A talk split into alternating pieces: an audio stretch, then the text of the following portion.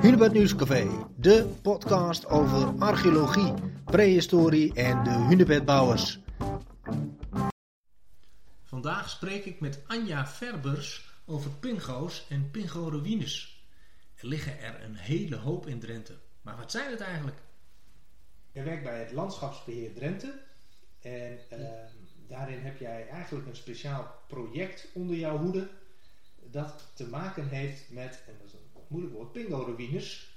Um, kun je wellicht uh, vertellen uh, wat een pingo en dus ook een pingo-ruïne eigenlijk uh, is? Ja, dat wil ik graag doen. Um, pingo's, dat zijn eigenlijk ijsheuveltjes in het landschap. Die ontstaan onder hele koude klimaatomstandigheden.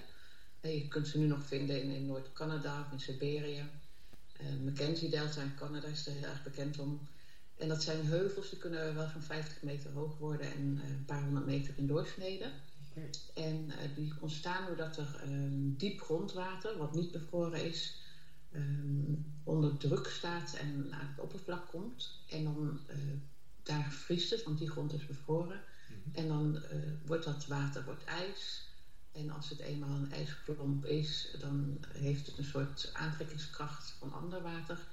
En zo groeit zo'n heuvel langzaam uit. En dat proces uh, dat gaat door.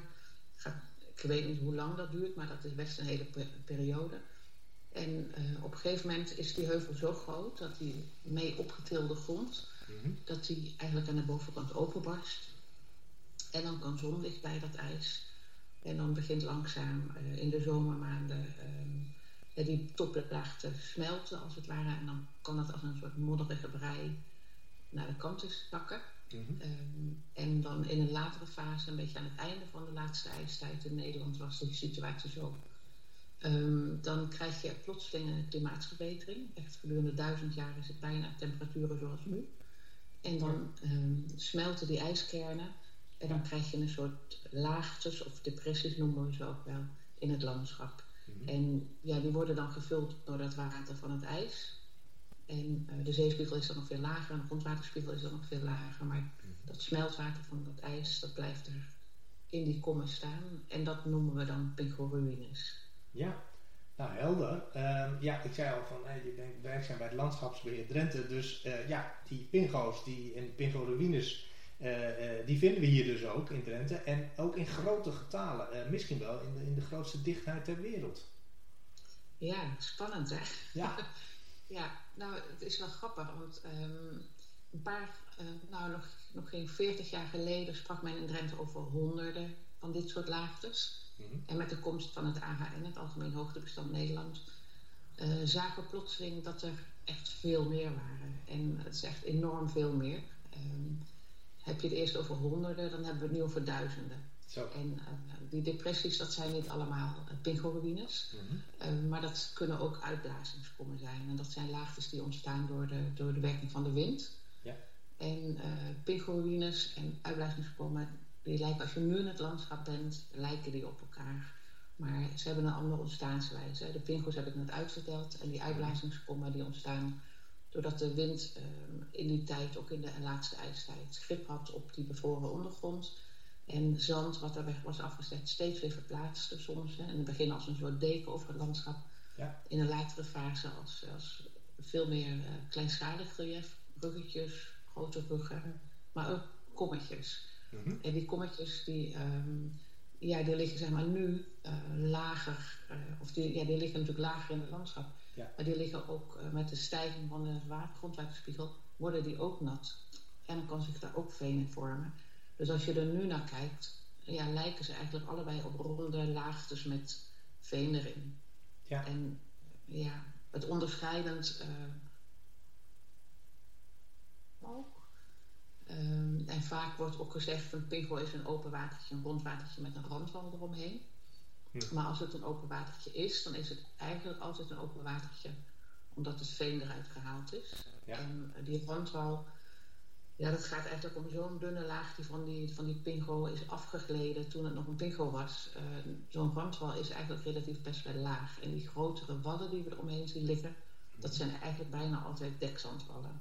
Dus dan is het vaak een combinatie van ja, van een pinkelrand met dekzand en rond uitblazingskommen liggen vaak op wallen. Ja, oké, dus het kan eigenlijk zo zijn dat we denken dat er nog meer liggen dan er liggen. dat is volgens mij ook een onderdeel van het, het Pingo-programma wat jullie hebben uitgerold in, in, de afgelopen jaren. Om te kijken van, nou ja, alles wat op een, een Pingo lijkt, is dat ook daadwerkelijk een Pingo? Ja, en dat doen we natuurlijk niet. Het zijn echt, uh, ja, nu zitten we op een getal van 2.500. Mm -hmm. uh, we kunnen die natuurlijk niet allemaal onderzoeken, ook al zou ik dat heel graag willen doen, maar dat, dat is gewoon geen mogelijkheid. Nee.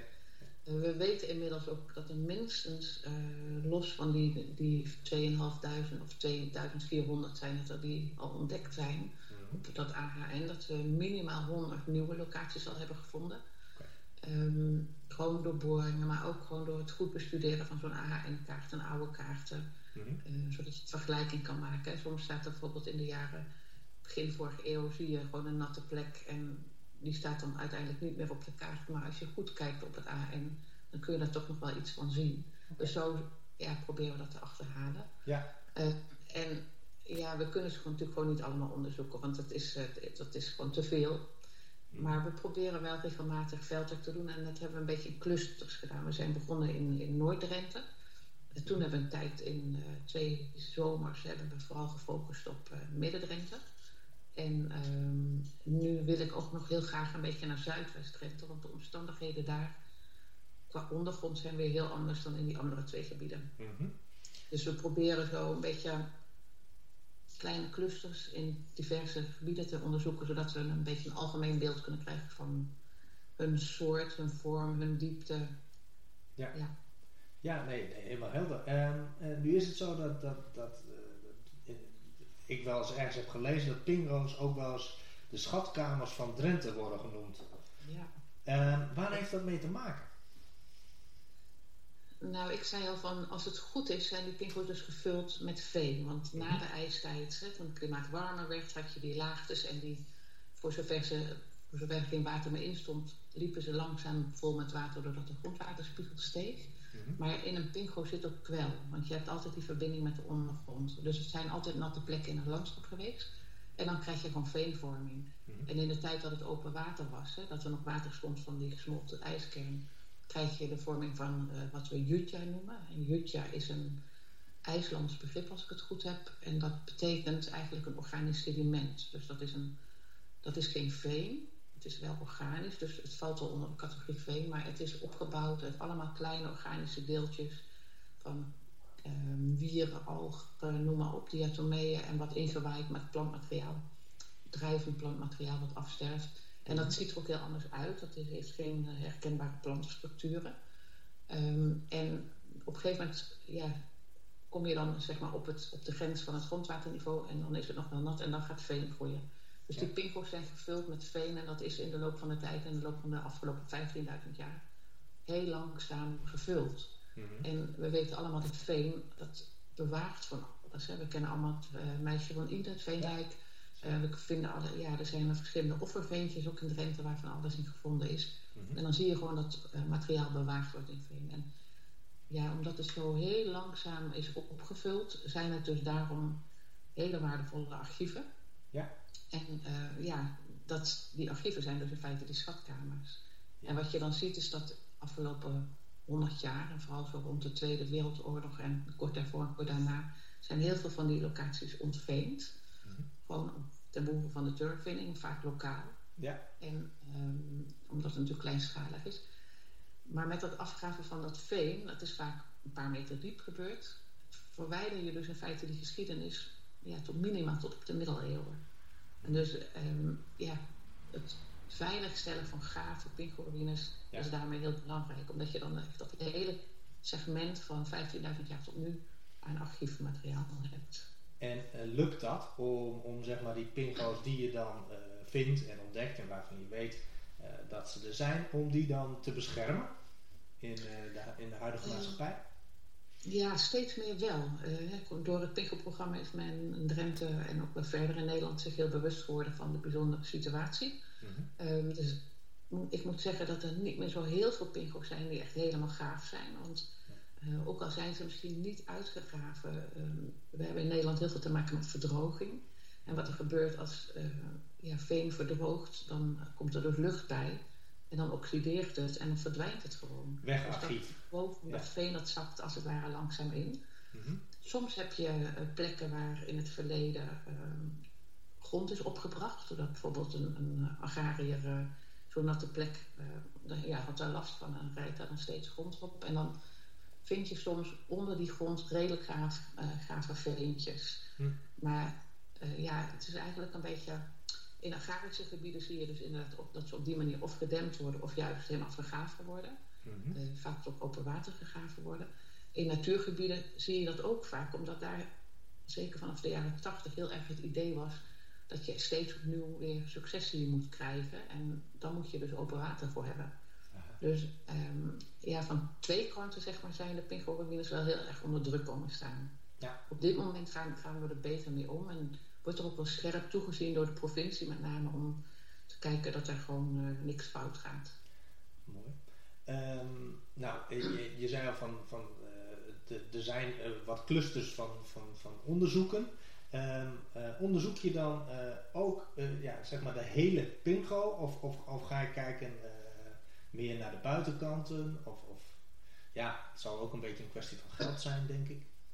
Ja, het, hangt er heel erg vanaf wat mogelijk is. Want als het zeg maar open is gegraven tot een open watertje, dan is het voor mij heel lastig om daar onderzoek te doen. Want we doen dat door middel van boren. En je moet steeds in datzelfde gat weer boren. En als dat onder water is, dan lukt dat niet. Ja. Uh, Wim Hoek van de Universiteit van Utrecht die heeft dat wel gedaan. Bijvoorbeeld bij het Mekelameer en het Elpermeer en het Heikenmeer, geloof ik. Um, daar zijn ze dan met een vlot zo'n water op gegaan. En dan steken ze ook echt kernen. En dan wordt echt laagje voor laagje helemaal geanalyseerd. Mm -hmm. Als ik onderzoek doe met vrijwilligers, dan proberen we gewoon wel dat veen in te gaan. Als het gewoon veen is, dan kan dat vaak wel. Um, we hebben recent nog bijvoorbeeld het meestersveen in Zijen onderzocht. En dan loop je wel door 30 centimeter water, maar dan, dat is nog wel te doen. Mm -hmm. En daar vonden we ook uh, ruim 3,5 meter jutja. Het veen is daar ook wel helemaal vergaven, maar de jutja die zit er dan toch nog. Uh, maar wat daar ook bijzonder was, en dat vinden we niet zo vaak, is een aanwezigheid toch van een randwal. Ja. En die zat niet zozeer in de vorm van echt een wallichaam in het landschap. Mm-hmm. Maar we zagen hem op de luchtfoto als een soort lichte band rondom dat veentje lopen. En we hebben die nu ook heel goed onderzocht. En als je dan gaat boren, dan zie je dat daar wel degelijk inderdaad een wal zit in de ondergrond. En die bestaat in dit geval helemaal uit pelozanden, uit de Eilstree en drie ijstijden geleden. Ja. En dat is ook de bodem die daar ook onder de pingo ligt. Daar, in dat gebied komt geen, uh, geen keiling meer voor. Uh, wel smeltwatersedimenten, maar daaronder zit dus dat pelostand. En we vonden in die randwal dus dat pelozand heel duidelijk. Ja. Dus dat is wel, wel grappig dat je dan zowel op basis van de rand als de aanwezigheid van dat jutja ja. zeker kan zijn dat het hier wel om een pingogebied gaat. Ja, exact. Ja, mooi. Um, nou ja, uh, pingo's, we zeiden al, uh, on onderzoek en dergelijke, kunnen ze ook interessant zijn voor de archeologie. Dus uiteindelijk bijvoorbeeld iets uh, vertellen over uh, vroege bewoners zoals daar zijn de hunebedbouwers natuurlijk. Ja, ja, nou ja, ik denk van wel. Ik denk zeker dat het zo is. Um, ik weet dat um, er in Drenthe onderzoek is gedaan door de provinciaal archeoloog. Um, die heeft op zeven locaties, op zeven pingo-locaties, materiaal gevonden in het veen. Dus archeologisch zijn ze zeker waardevol. Ja. het idee is ook een beetje dat, uh, met name in, in de vroege tijden, maar dan moet je denken aan de tijd van de hunebedbouwers en zo, dat mensen op dat moment gebruik maakten van zo'n locatie om bijvoorbeeld uh, te jagen. Hè, dat zaten natuurlijk eenden in zo'n watertje, er kwamen reeën drinken. Mm -hmm. um, dus er moet gewoon uh, archeologisch materiaal gevonden, gevonden, worden. En dat zie je ook wel vaak in de akkers daaromheen. Er wordt door heel veel amateur archeologen wel gezocht. En die vinden ook wel echt pijlpunten en dat soort dingen. Mm -hmm. Gevoel heeft dat dan maar.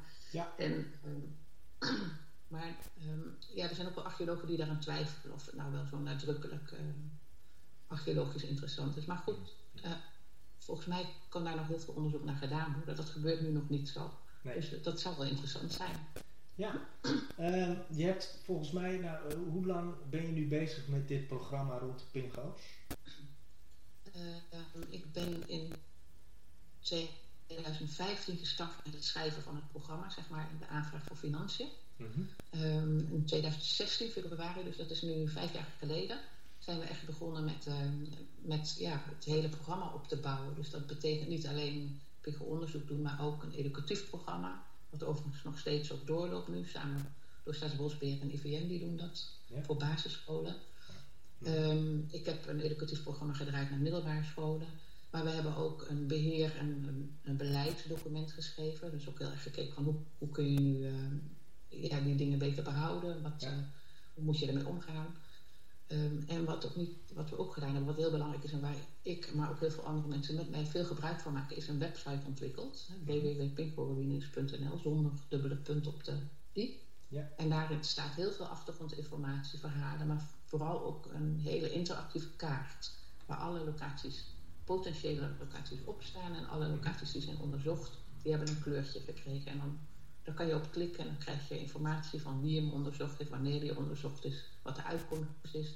Maar ook kaarten als het AHN, de luchtfoto, de aanwezigheid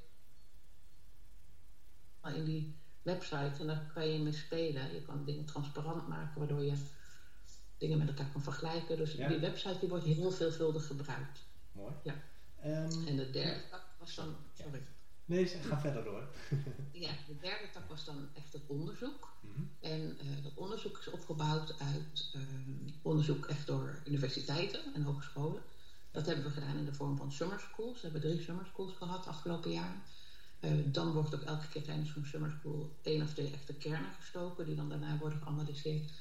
En daarnaast heb ik heel veel onderzoek gedaan met vrijwilligers en met, met leerlingen, studenten, uh, maar heel veel met vrijwilligers. En ja, dat, dat is een bepaalde groep mensen die dat heel leuk vindt en heel spannend vindt. En uh, ja, ja, dat is ook dat is eigenlijk het allerleukste om te doen, het onderzoek, vind ik. Ja, ja, mooi.